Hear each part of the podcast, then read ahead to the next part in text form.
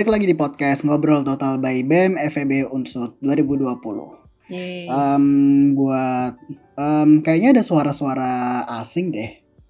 Suara-suara asing. Biasanya iya biasanya temen host temen host gua sih cowok.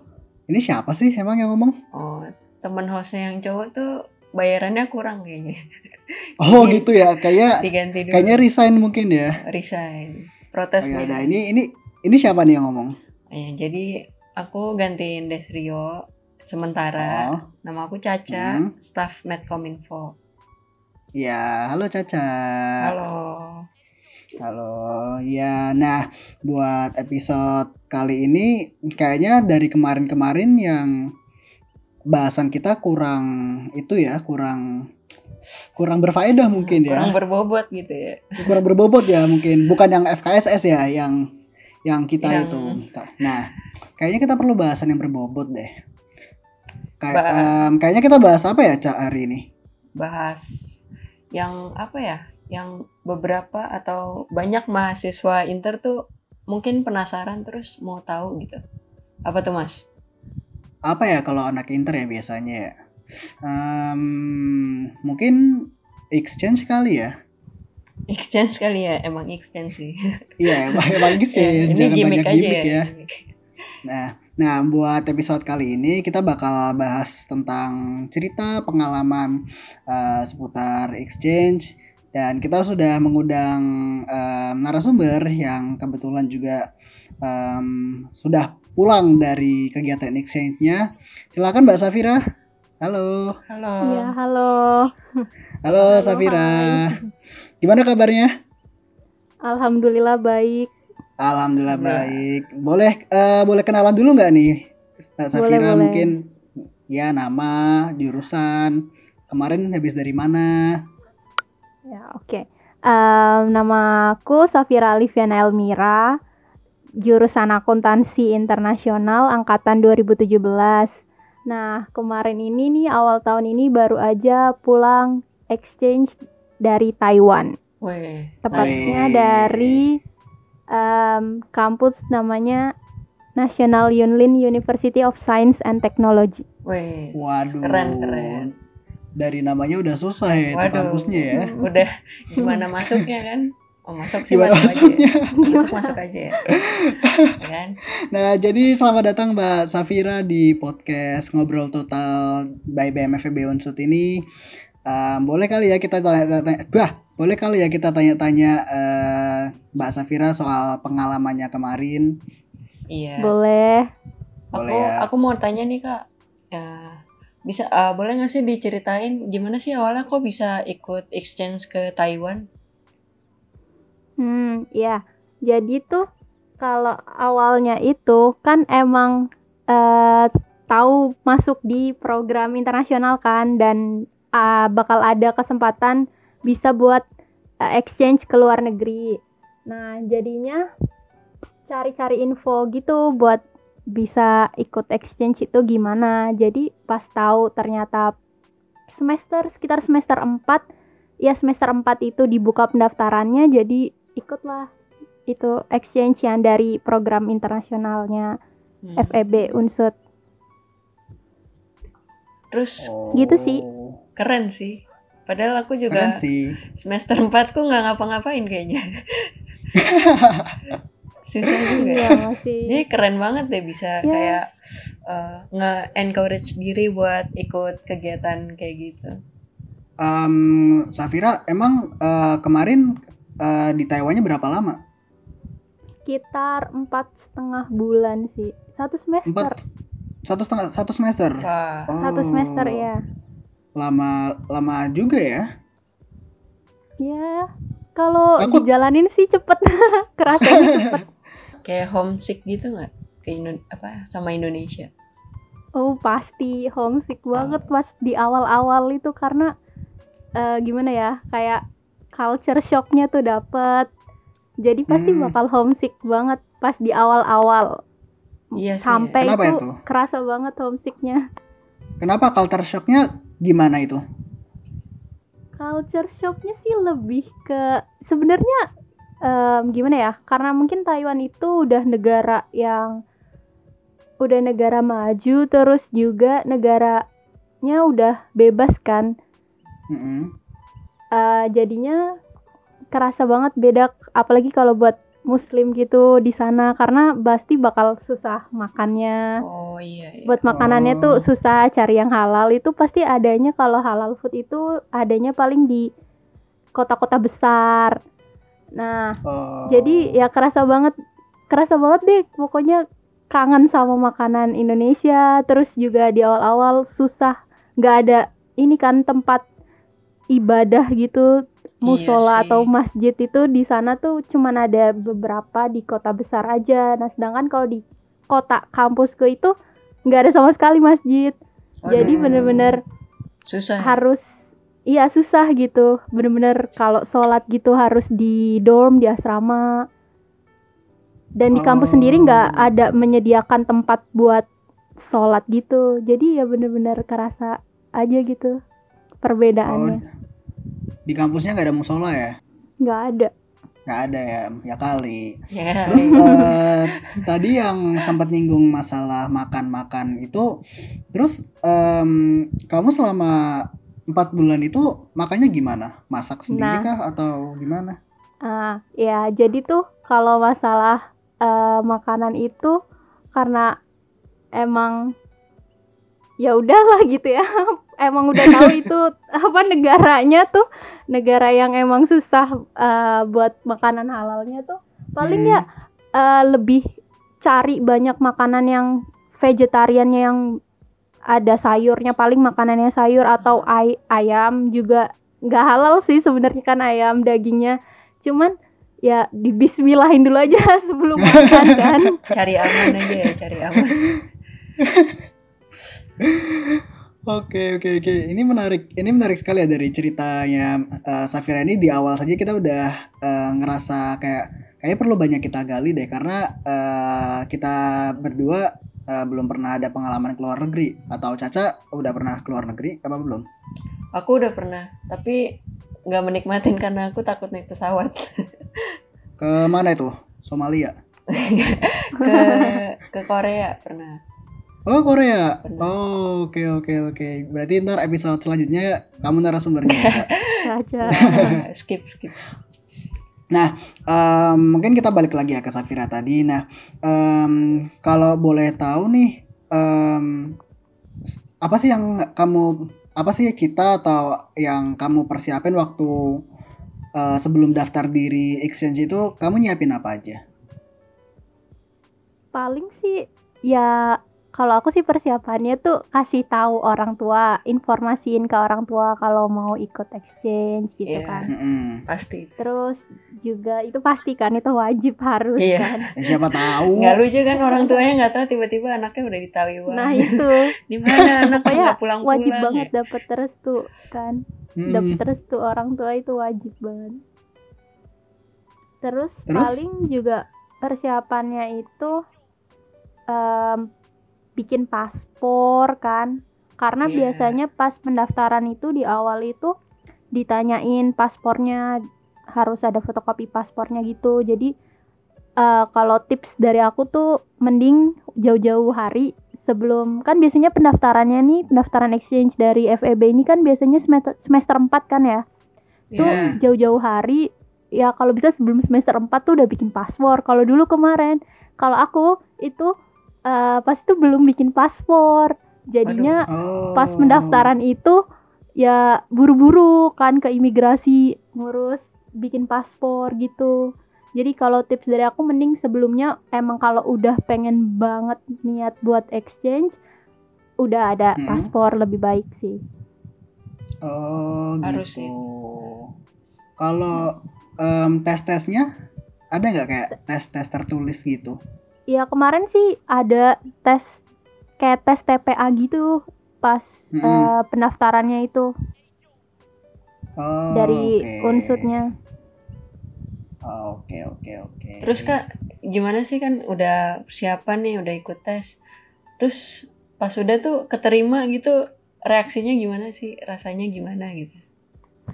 sebenarnya sih eh, ya seneng gitu kan cuman tuh masalahnya kemarin itu yang pilih Taiwan itu emang sedikit Hmm. cuman Oh. empat orang kalau nggak salah deh nggak tahu Hmm. kenapa orang-orang nggak ada yang milih ke Taiwan gitu padahal Taiwan menurutku tuh leb- jauh lebih gimana ya lebih lebih dari sisi ekonominya tuh lebih terjangkau Da- tapi dia udah negara maju gitu lebih Hmm, terjangkau daripada oke. ke Iya. Korea atau ke Jepang gitu kan cuman pasti Mm-mm. pas pendaftaran itu paling banyak orang-orang pilih ke Jepang, ke Korea kan, ke Malaysia. Malaysia mungkin Iya. karena dekat gitu kan sama Indonesia. Ya, Benar-benar. ya benar. Nah itu. Oke. Ya reaksiku Hmm. sih ya sebenarnya ya seneng sebenarnya seneng seneng gitu. Tapi ya masalahnya kemarin itu mungkin kurang greget gitu kan ya karena mungkin yang Oh. yang pilih ke Taiwan tuh cuman empat orang pas itu Eh kurang dan menantang Oh. gitu. dua ya. orangnya lagi yang dua orangnya Oh. lagi keterima ke Korea jadi otomatis dua Oh. namanya masuk Oh. Oh gitu. Jangan-jangan tuh teman kelas kita lagi yang dua orang. Eh, iya temen kelas Oh, wah, parah tahu lagi siapa. Waduh. Teman kelasnya aktif-aktif ya. mantap, mantap. Alhamdulillah ya. Em, tadi sempat eh, nyinggung masalah ekonomi dan ekonomi Taiwan yang mungkin lebih dari Korea atau Jepang. Ada alasan lagi nggak sih kenapa kenapa kenapa kamu pilih Taiwan gitu? Hmm.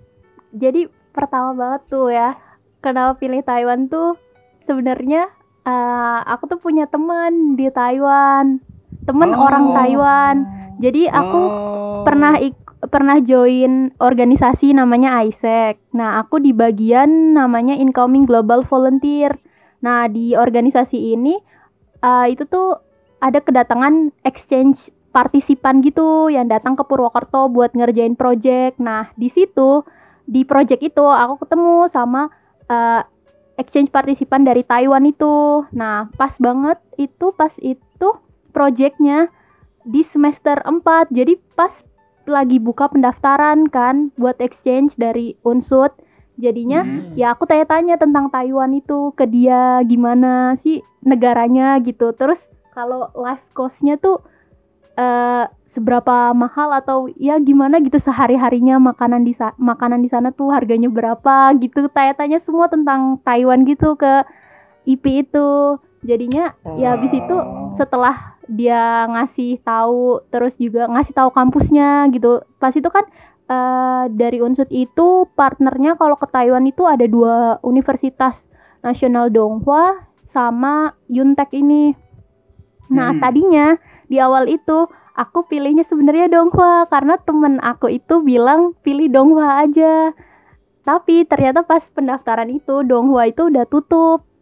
Yang masih buka itu Oh. Yuntek jadinya ya udah aku karena emang pengen ke Taiwan pengen tahu Taiwan itu gimana jadi aku pilih Yuntek Hmm, oke.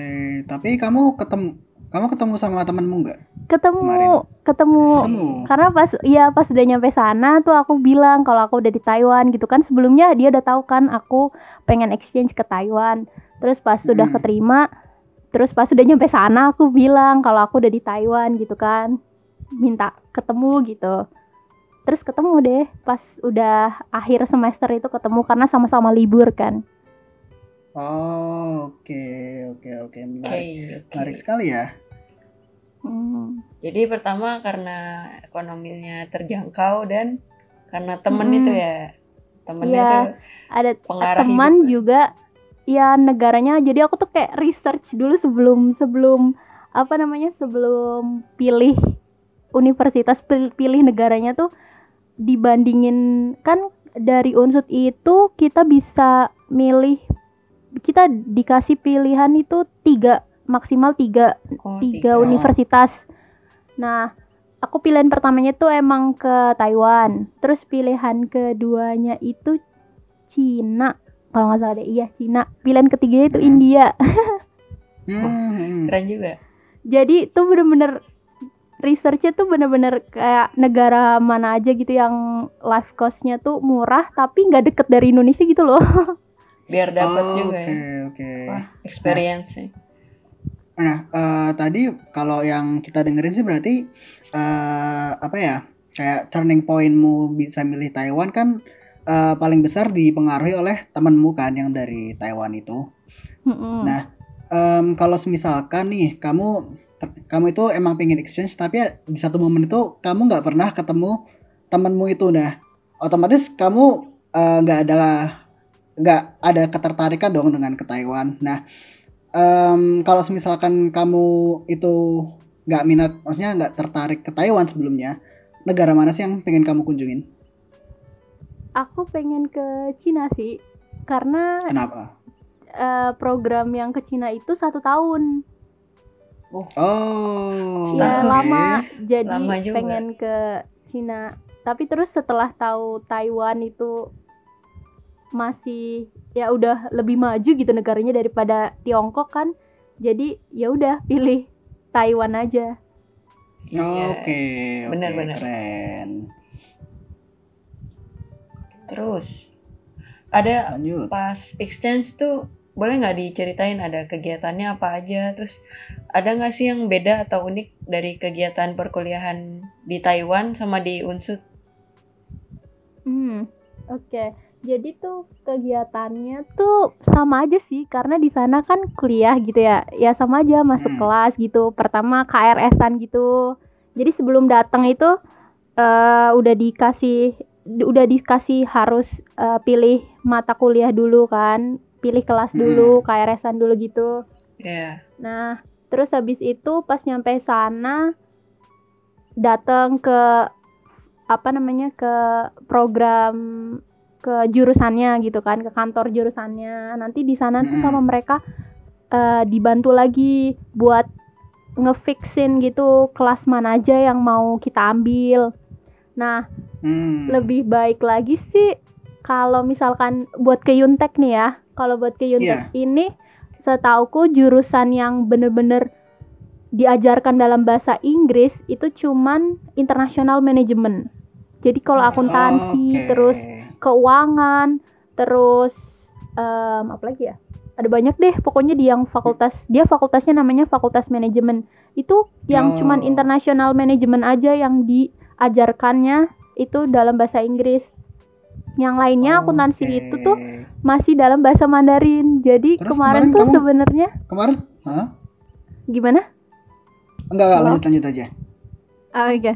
Jadi tuh ke- kemarin itu sebenarnya ada problemnya gitu pas udah nyampe sana itu karena aku tuh baru tahu kalau ternyata tuh akuntansi itu semuanya diajarkan dalam bahasa Mandarin. Karena setahu Waduh. aku pas aku masih di itu setauku itu bakal diajarinnya dalam bahasa Inggris. Tapi ternyata pas udah Waduh. nyampe sana itu dalam bahasa Mandarin. Jadi ya kaget Oh. aja gitu sih. Dan ya untungnya dari emang dari pengurus di dari Yunteknya itu juga orangnya responsif juga ngebantuin gitu, ngebantuin juga. Terus kita dapet ini loh lebih enaknya lagi, uniknya lagi ya menurut aku tuh ya. Di sana itu kita dapet yang namanya school buddy. Jadi tuh kita eh, kayak dapet tem temen yang bakal nemenin kita selama satu semester gitu buat Oh, ngenal oke. tentang pas kita nyampe sana nanti mereka yang ngurus gitu loh mereka yang ngurus kita kayak ngenalin tentang kampusnya ngenalin tentang daerahnya terus Oh. ya kayak bi- bisa bisa bisa jadi kayak emergency kontak kita gitu selama di sana Hmm, oke. uniknya tuh Keren, gitu keren, keren. kita dipasangin sama na- sama yang namanya school buddy itu membantu banget Oh, pasti sih. itu bener-bener ngebantu kita banget kayak gitu kalau permasalahan tentang kelas tentang di kampus gitu dia bisa bantuin kita gitu jadi Iya. kayak orang terdekat kita gitu di sana Paling nggak bisa ka- komunikasi gitu kan kalau semuanya bahasa. Mandarin udah kan goodbye bikini batu. nah iya Berarti eh, kemarin kamu em, itu buat kuliahnya. Kalau kamu tinggalnya di asrama atau Hmm. homes apa homestay apa ya gitu? Aku tinggalnya di asrama sih satu kamar itu berempat cuman pas itu aku Hmm. dapet kamar yang isinya cuman ternyata bertiga satu bednya lagi kosong gitu Oh, oke, Hmm. oke. dan juga eh, enaknya juga kita tuh dipasanginnya tuh eh, sama an- sesama anak exchange jadi lebih ada bondingnya gitu loh sama Hmm, anak exchange oke. lain. Jadi satu kamar sama anak exchange dari Korea, dari Jepang, dari Spanyol gitu. Seru banget pasti. Hmm, Oke oke. Dari Em, mana-mana. tuh. berarti berarti kemarin kamu berangkatnya itu berarti cuma dua orang aja yang dari unsut ya?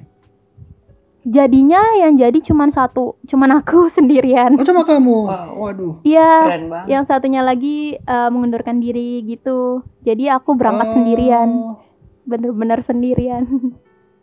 Takut gak itu berangkat sendiri Nah. kayak gitu? itu pas pas di awal itu ya ya udahlah gitu karena emang dari awal itu aku emang pengen gitu kan ke Taiwan ya mau sendiri mau berdua ya udah nggak apa-apa gitu kan jadi ya Mm-mm. nekat aja gitu berangkat sendiri Oh Emang tekadnya udah kuat sih ya.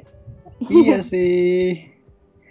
Oke, em, terus mungkin eh, ini ya tadi buat masalah em, tadi sempat yang tadi kan di awal juga sempat sempat eh, nyinggung masalah eh, makan dan lain-lain gitu. Nah, em, mungkin aku pengen nanya eh, tentang kesehariannya itu sih maksudnya Hmm. em, gimana sih maksudnya mungkin eh, mungkin kan kalau eh, aku misalkan mau exchange kan ketakutan terbesarku kan mungkin di orang-orangnya sana nggak tahu maksudnya Hmm. em, apakah aku bisa membaur dengan mereka atau gimana gitu nah em, selama kamu di sana gimana sih atmosfer orang-orangnya gitu Oke, jadi tuh di Taiwan itu aku juga kaget sebenarnya pas nyampe sana. Aku kira tuh orang orang sana tuh bener-bener ya yang gimana ya, yang yang cuek gitu, nggak ramah. Tapi ternyata Hmm. orang sana tuh semuanya hampir yang aku temuin ya, yang aku temu, Hmm. yang aku ketemu itu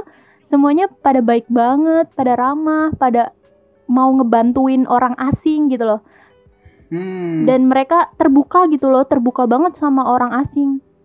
Jadi Oke. nggak usah ragu deh kalau ke Taiwan itu pasti bakal ada kayak penolong gitu kalau kita kenapa-napa gitu pasti bakal ada yang bantuin kita gitu Untung jadi banget. menurutku orang Oke. Taiwan itu friendly gitu orangnya Oke, karena eh, kalau aku baca-baca dari mungkin Caca juga pernah baca ya atau apa kayak misalkan di Korea atau Jepang em, kadang mereka em, apa ya maksudnya kalau dilihat-lihat tuh kada eh, kalau aku lihat di video atau baca-baca kayak misalkan ada orang yang nanya menggunakan bahasa Inggris gitu kadang kayak Oh, kayak em, takut gitu ya. iya takut gitu Oh, iya, jadi iya. em, ya jadi kayak kita nggak bisa minta bantuan ke orang-orang sana gitu tapi untungnya Taiwan baik-baik aja ya Mm-mm. Taiwan itu kalau misalkan eh, di kalau aku sih ya se pengalaman aku tuh selama aku di kota kecil maupun di kota besar kayak di Taipei itu di Taipei rata-rata orang-orang semuanya di sana bisa bahasa Inggris. Nah kalau Hmm, di kota-kota kecil eh, kayak di kampusku tuh kampusku tuh termasuk kota kecil kan itu mereka Hmm. emang nggak bisa bahasa Inggris tapi gimana ya mereka bakal ngusahain bantuin kita gitu loh kalau kita misalkan nanya sesuatu dalam bahasa Inggris terus Mm-mm. dia nggak ngerti nih dia bisa nanya ke temennya lain atau dia buka HP translate gitu Baik Jadi banget bener- sih. Ngebantuin banget mereka nggak takut sama sekali walaupun harus pakai bahasa Inggris gitu Baik banget sih. Hmm, Oke oke baik. Untuk banget ya ternyata baik-baik orangnya di sana. iya beruntungnya gitu Oke. Em, terus kalau em, menurut kamu nih ya Saf, eh, itu kan tadi kita cerita masalah kayak enaknya apa ya enaknya di Taiwan begini begini. Em, tapi em, menurut kamu apa sih hal yang tersulit dari ikut exchange? Untuk exchange ya secara umum dulu ya, exchange secara umum. Menurut kamu apa yang tersulit? menurut aku tersulit sih kalau aku apa ya mungkin kalau Nggak ada ya? Nggak ada. Siap banget. alhamdulillah kemarin ya lancar-lancar aja sih alhamdulillah cuman kalau aku dengar dari banyak teman-temanku yang pengen exchange itu kebanyakan dari ada yang dari orang tuanya itu mungkin Hmm. mereka ada yang susah dapet izin dari orang tuanya karena karena beneran bakal ke luar negeri gitu kan dan sendiri Hmm. gitu hidup mandiri gitu mungkin ada yang dari orang tuanya eh, mereka sulit dapet izin gitu Oh, Kalau dari oke. aku sih alhamdulillah ya sp- sportif semua gitu. Orang tua mendukung gitu. Hmm, oke, oke. Em, kalau em, yang apa ya? em, kalau di Taiwan deh yang kamu pernah ngerasa itu nggak sih merasa ada kesulitan di Taiwan gitu mungkin. Tadi kan masalah eh, makanan halal ya. Mungkin selain Hmm. itu ada lagi nggak? Selain makanan halal itu ya paling kalau itu sih kalau mau kalau mau sholat gitu ibadah gitu ya sulit harus ke balik ke dorm atau ke tempat eh, ke apartemennya anak-anak S2 karena mereka tuh eh, tempatnya lebih deket dari kampus gitu daripada ke dorm gitu. Oh, ya itu sih sulitnya ya bener dari makanan terus dari kalau mau ibadah karena nggak bisa di sembarang tempat kan. Mm-mm. Ya. gitu aja sih kalau yang lainnya kalau di sana nggak nggak oh paling ya sulitnya Mhm. itu di sana tuh nggak ada kayak kalau kita kan di sini terbantu banget ya dengan adanya ojek online gitu kan kalau di sana, iya. itu nggak ada ojek online kan jadi benar-benar kita tuh harus ngandelin ya ngandelin diri sendiri ngandelin kaki gitu harus ke mana-mana jalan kaki atau naik sepeda di sana tuh orang-orang semuanya oh yang uniknya lagi itu di sana yaitu anak-anak di kampus karena kebanyakan mereka tinggalnya di asrama jadi semuanya pada Iya. punya sepeda jadi kita tiap hari bener-bener Oh. pakai sepeda gitu Oke. atau jalan kaki Tapi kayaknya sepeda tuh kayak kendaraan wajib exchange gitu ya. Soalnya Iya. waktu yang ada exchange ke Unsut juga ada dia di- dia ke kelas aku. Dia ke Rita tuh naik sepeda loh.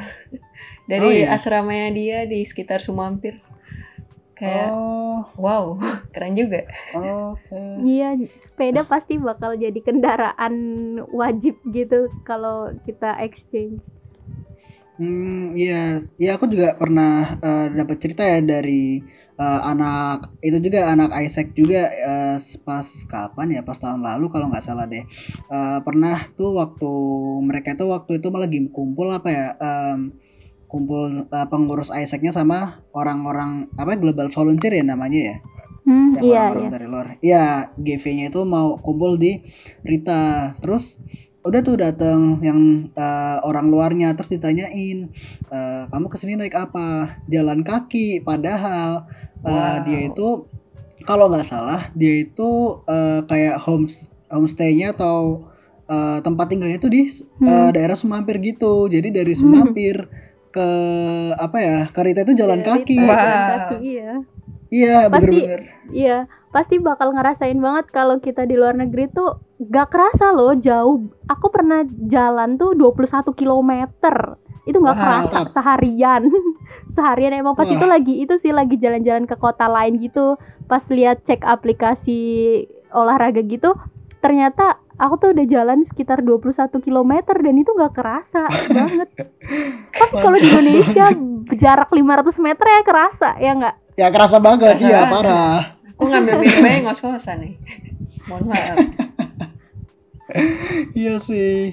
Em, emang eh, berarti emang di sana eh, apa ya? Emang ramah buat pejalan kaki atau Hmm. gimana itu tempatnya? Iya, ramah. Ramah banget buat pejalan kaki. Di sana trotoarnya besar-besar. Mau di kota besar, di kota kecil itu mereka punya trotoar besar buat jalan kaki dan buat ngendarain sepeda.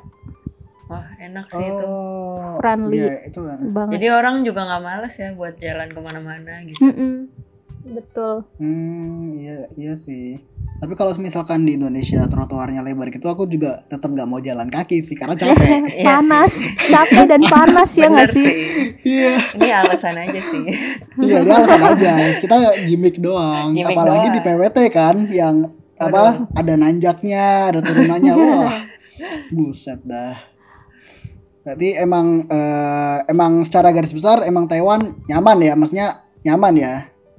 Iya, nyaman sih kalau buat tinggal jangka panjang itu dari eh, life cost-nya juga terjangkau, nggak beda jauh sebenarnya deh kalau misalkan mau dibandingin ya sama anak-anak mahasiswa di Purwokerto yang per Hmm. bulannya mungkin ada yang sekitar 2 juta atau lebih gitu.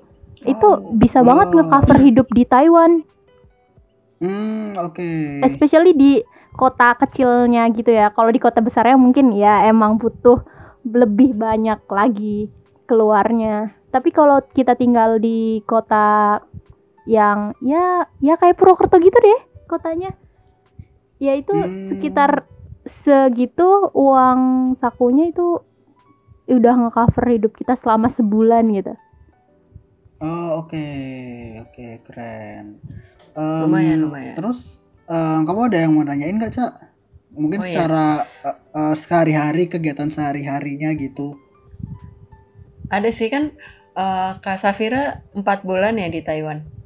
Ada nggak Hmm. sih kayak cerita cerita lucu gitu pas di Taiwan yang bisa di share? cerita lucu cerita lucu itu paling apa ya cerita lucunya tuh paling eh ini Udah satu ketahuan nih.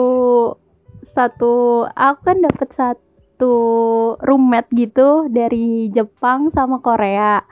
Nah Hmm. yang dari Jepang ini bahasa Inggrisnya tuh emang kurang gitu. Jadi kalau Oh, harus karena dia lebih lebih lebih fasih bahasa Mandarin justru. Wah, Oh, iya Iya, iya. makanya dia lebih hebat.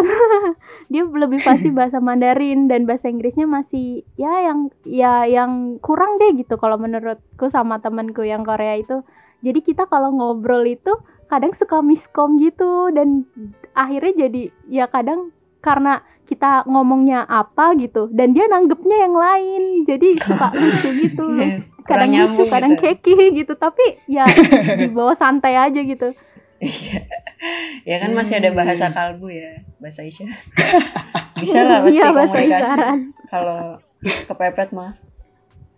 Ya, em, eh, tadi eh, ngomongin yang itu ya, aku tiba-tiba kepikiran tadi deh, eh, mungkin balik lagi ya. Em, kamu nggak mungkin dong 4 bulan cuma kuliah-kuliah aja. Hmm. Pasti kayak mungkin ada em, kamu mungkin eh, pernah em, nongkrong di mana atau kamu sengaja kayak jalan-jalan ke mungkin ke konser musik atau apa?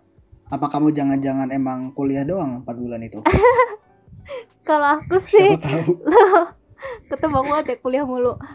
Kalau aku sih ya kalau aku tuh paling pergi sama satu roommate aku itu ke luar kota gitu, ke kota lain, ke tempat wisatanya gitu. Tapi itu selama perkuliahan itu cuman ya nggak nggak sering-sering gitu, cuman berapa kali gitu. Tapi setelah kita selesai, setelah selesai UAS, terus selesai apa registrasi apa terakhir cabut cabut berkas gitu dari kampus itu kan masih ada waktu gitu kan sebelum kita balik lagi ke negara masing-masing nah di situ paling Mm-mm. aku di situ bener-bener jalan-jalan gitu keliling ngelilingin Taiwan gitu sama temen satu kamarku gitu Udah Hmm. jadi turis karena ya. Taiwan itu negaranya negara kecil gitu loh kepul negara pu dia pulau gitu bentuknya pulau Heeh. kecil dia terpisah dari dari Tiongkok dari Cina jadi Hmm. orang-orang pasti tahu Taiwan itu Taiwan kan Cina gitu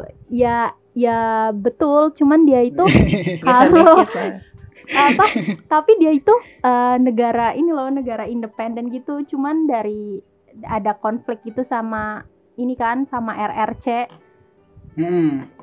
da sama sama Tiongkoknya itu dia nggak gimana ya masih belum dilepas belum diakui kalau dia itu sebagai negara independen. Sebenarnya dia udah negara independen dia punya punya bendera sendiri gitu kan. Dia Hmm, punya iya. presiden juga. Dan dia itu Taiwan itu terpisah gitu dia pulau kecil terpisah dari Tiongkok. Karena orang-orang semua pada mikirnya Taiwan itu sebenarnya ada di di dataran di Tiongkok itu tapi sebenarnya nggak dia itu pulau kecil gitu. Cuma emang terpisah dari deketan kali ya ya. terpisah dari ya terpisah dari Tiongkok gitu. Jadi kita tuh selama di sana bisa sih selama ada budgetnya tuh bener-bener bisa ngelilingin Taiwan. Karena di sana transportasinya juga udah terjangkau ke mana pun gitu naik kereta naik bus dan bentar gitu dari satu kota ke kota lain tuh nggak nyampe nggak nyampe satu jam udah sampai di kota Hmm, lain Iya. Hmm, oke. di kota samping-sampingnya. Jadi bisa banget kita tuh keliling kalau ke Taiwan tuh bisa banget kita keliling Taiwan bener-bener ngelilingin Taiwan itu bisa karena kemarin pengalaman aku tuh pas selesai semua berkas-berkas di kampus selesai pokoknya Hmm. keluar dari keluar dari asrama dan itu aku mutusin sama temanku buat buat ya jalan-jalan dulu sebelum pulang ke Indonesia gitu. Hmm, oke. Oke, em, kalau boleh tahu ya, Saf, eh, em, apa ya? Mungkin ini eh, mungkin sedikit sensitif ya mungkin. Tapi em, kau boleh itu nggak eh, ngasih tahu kayak eh, biaya hidup sehari itu kira-kira berapa di sana? Buat gambaran Biaya gitu. ah, buat gambaran ya kalau aku sih Hmm.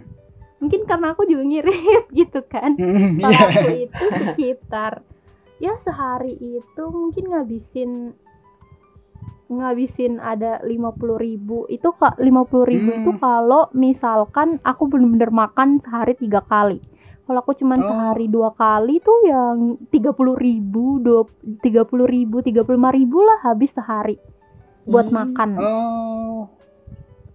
Bener-bener, Karena di sana- bener-bener murah.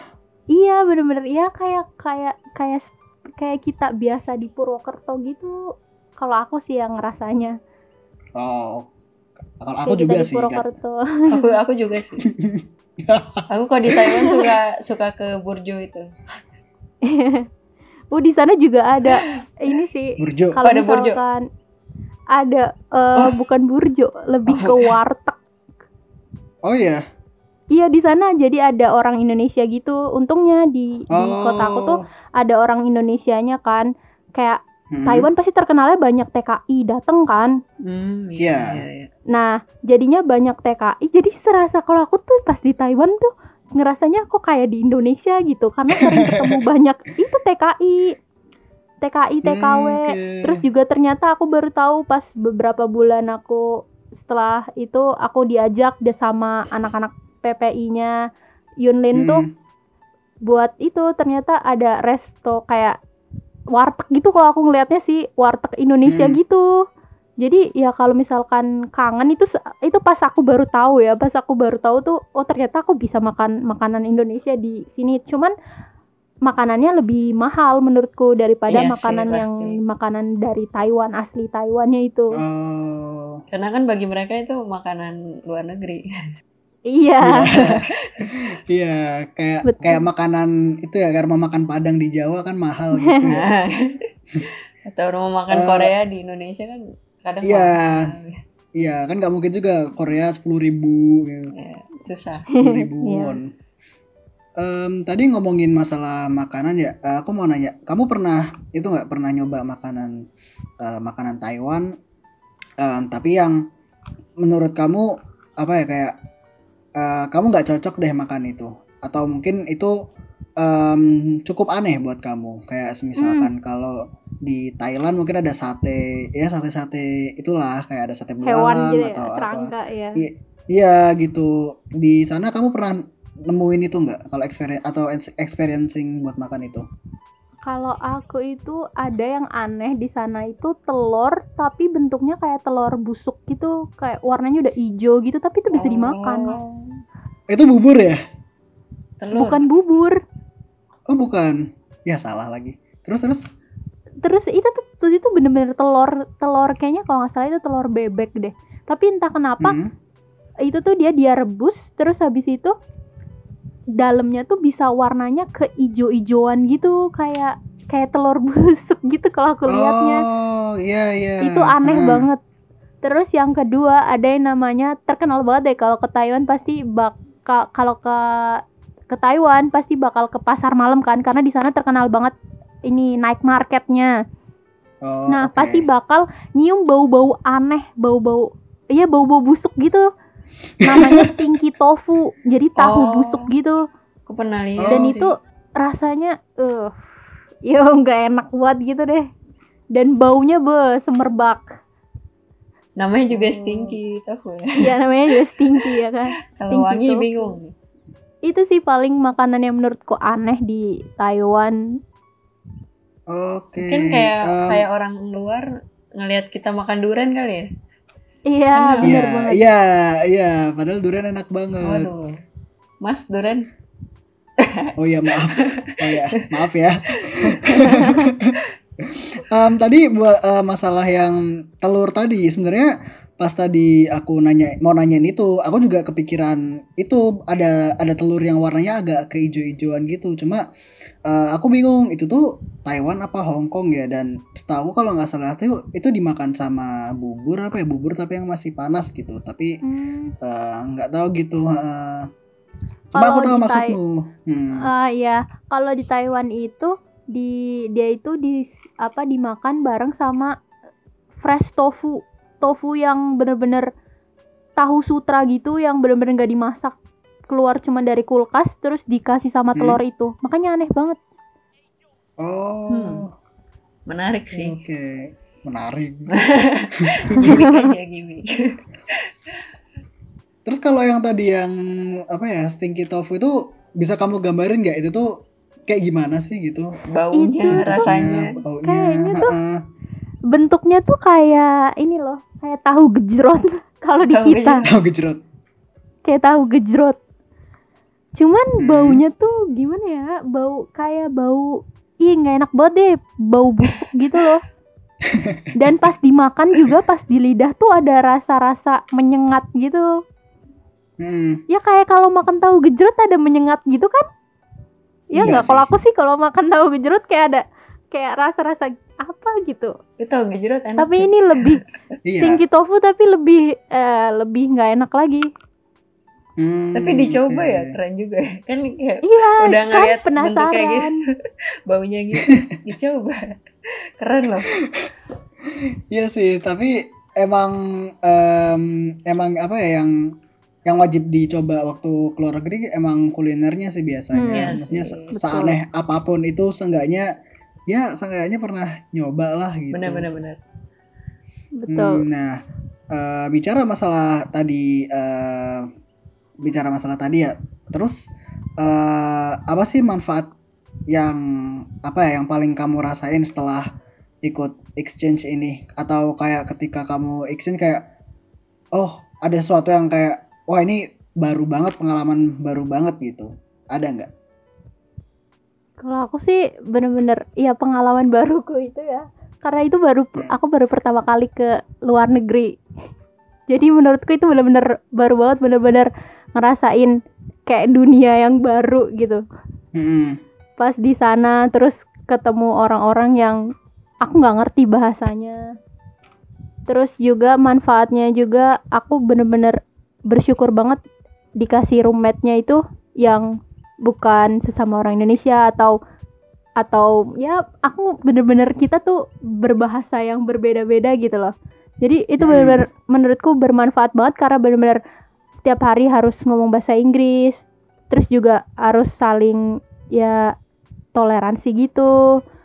Terus Hmm. juga di sana bener-bener harus mandiri kan karena ya benar-benar harus ngandelin diri sendiri gitu harus lebih kalau aku sih lebih kerasa aku harus bisa ngomong sama orang lain gitu harus bisa gimana ya speak up sama orang lain gitu. Apalagi kalau di kelas tuh ya mungkin Hmm. karena aku satu-satunya eh, yang berkerudung gitu. Jadi dosennya Iya. selalu ingat dan selalu pasti ke- dikasih pertanyaan. Jadi benar-benar ya itu jadi benar-benar udah diingat terus dikasih pertanyaan. Jadi benar-benar harus ya harus mau jawab kan harus belajar jawab kan benar-benar harus Hmm. belajar benar-benar speak up di depan banyak orang gitu kan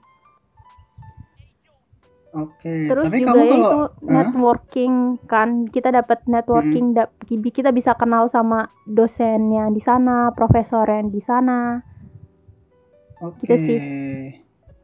Berarti kamu buat jawab pertanyaan itu pakai bahasa apa? Inggris Inggris. oh Oh, Inggris tetap Iya. Inggris. Iya. Oke. Jadi tuh di sana itu yang aku suka tuh mungkin emang emang di akuntansi karena mereka kan nggak punya akuntansi internasional. Jadi benar-benar akuntansi reguler gitu kan. Jadi Hmm. diajarkannya dalam bahasa Inggris. Nah, tapi bukunya mereka itu buku bahasa Inggris semua. oh Jadi Oh, aku kebantu oke. banget di sana.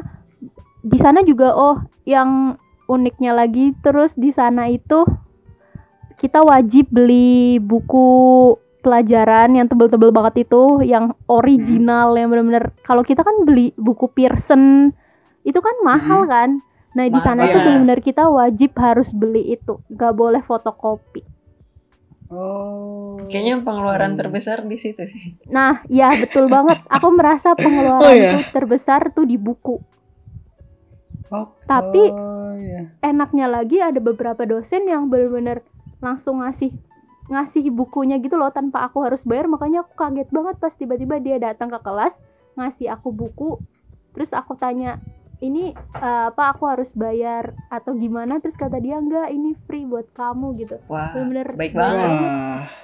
baik banget sih. Itu kalau dijual lagi untung tuh. padahal. nah itu Ini nih suara-suara setan nih. Oh ya, eh, aku mau nanya satu lagi deh. Em, eh, apa ya? Bisa nggak sih kamu em, ngurutin kegiatanmu dari eh, dari apa ya? Eh, ini boleh jawab atau enggak ya?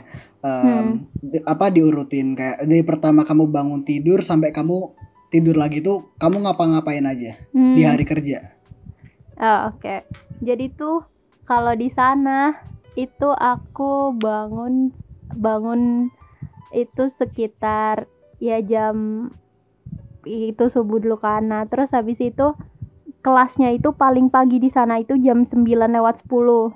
Wah, Wah, Jadi-. Iya, jadi di sana aku ya terus berangkat. Kalau ada kelas pagi ya aku berangkat itu sekitar jam 9 lewat 10, terus selesainya tuh sekitar jam 12. Ya sekitar jam 12 baru selesai. Terus habis Hmm. itu paling kalau misalnya ada kelas lagi lanjut atau kalau aku sih biasanya balik ke dorm. Mm-mm. Balik ke dorm terus makan di kafetaria karena di sana kafetarianya tuh banyak vegetariannya gitu. Jadi aku kadang suka milih lebih milih makan di kafetaria. Terus habis itu lanjut kelas lagi. Kadang kalau misalkan em, sehari itu kelasnya cuma satu, paling aku ke perpus karena di sana perpusnya tuh enak banget, nyaman banget. Hmm, Dan lengkap banget. oke. mantap. Oh, emang Gitu lengkapnya sih. lengkap lengkap gimana maksudnya? Bukunya Lengkapnya atau fasilitasnya? Buku-bukunya, buku-bukunya Oh. tuh nggak semuanya mata pelajaran. Semua ada novel, ada Oh, komik, ada yang lain-lain deh pokoknya banyak. Bahkan di Hmm. perpusnya tuh ada bioskop kecil gitu. Jadi kita Wah. di hari Hmm.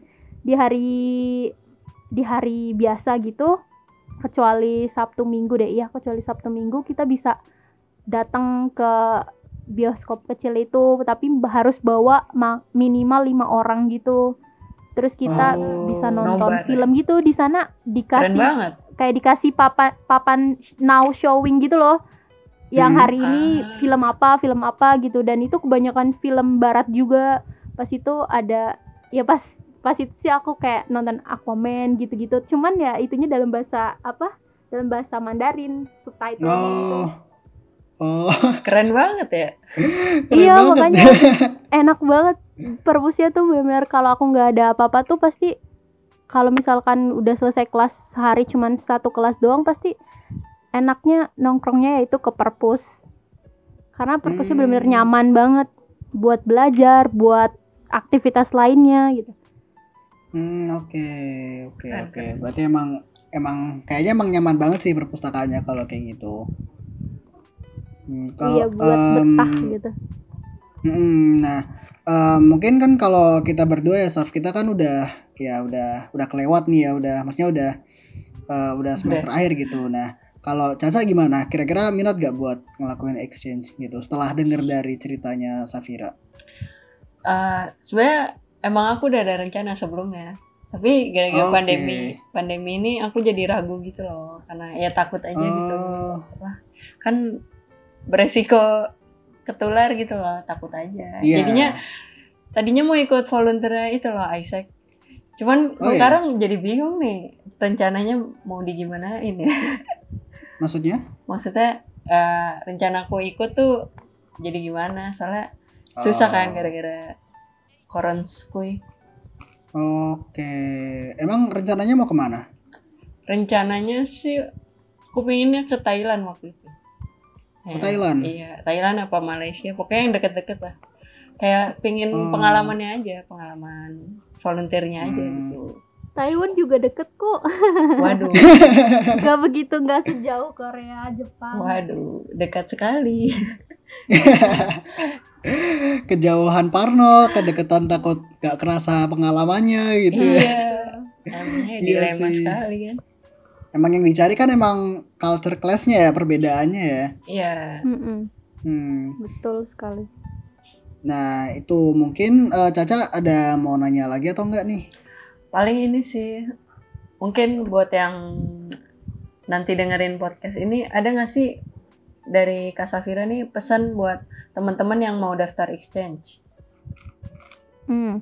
Kalau aku sih pesannya menurutku ya, Hmm. kan kalian udah di udah apa udah ada udah terdaftar gitu maksudnya udah jadi mahasiswa di jurusan internasional ya dan kita dapat Hmm. kesempatan buat bisa buat exchange itu kalau aku sih harus diambil gitu kan dan Hmm. pilihan negaranya juga banyak jadi menurutku ya pengalaman exchange itu bener-bener beda banget kak sama kita kuliah kita kuliah di unsut gitu jadi bener-bener harus banget kalau aku sih harus banget kita ikutin gitu karena ini opportunity yang jarang gitu kan nggak semuanya Hmm. bisa bener Iya. sih ya bener-bener. Kalau aku sih kalau terus emang niat banget mau exchange ya bener-bener dipersiapin semuanya.